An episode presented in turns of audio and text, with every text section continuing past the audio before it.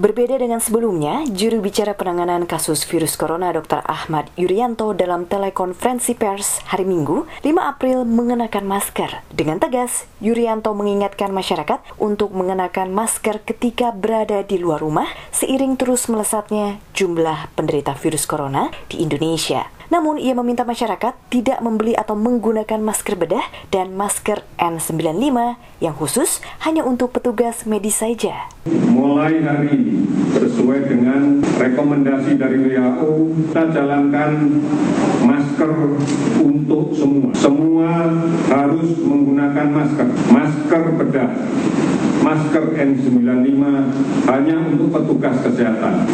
Gunakan masker kain, ini menjadi penting karena kita tidak pernah tahu di luar orang tanpa gejala banyak sekali didapatkan di luar.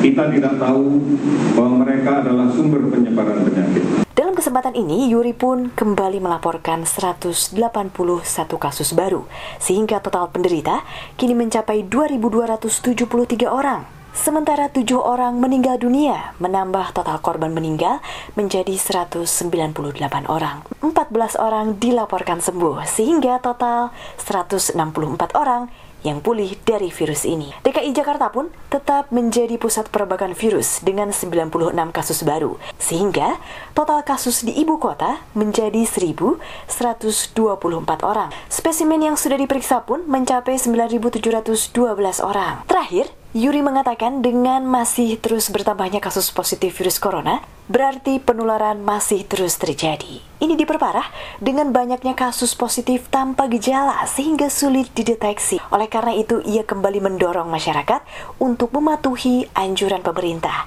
antara lain dengan tetap bekerja, bersekolah dan beribadah di dalam rumah, serta menggunakan masker jika harus keluar rumah karena hal-hal esensial ataupun darurat. Dari Jakarta, Gita Intan melaporkan untuk VOA Washington.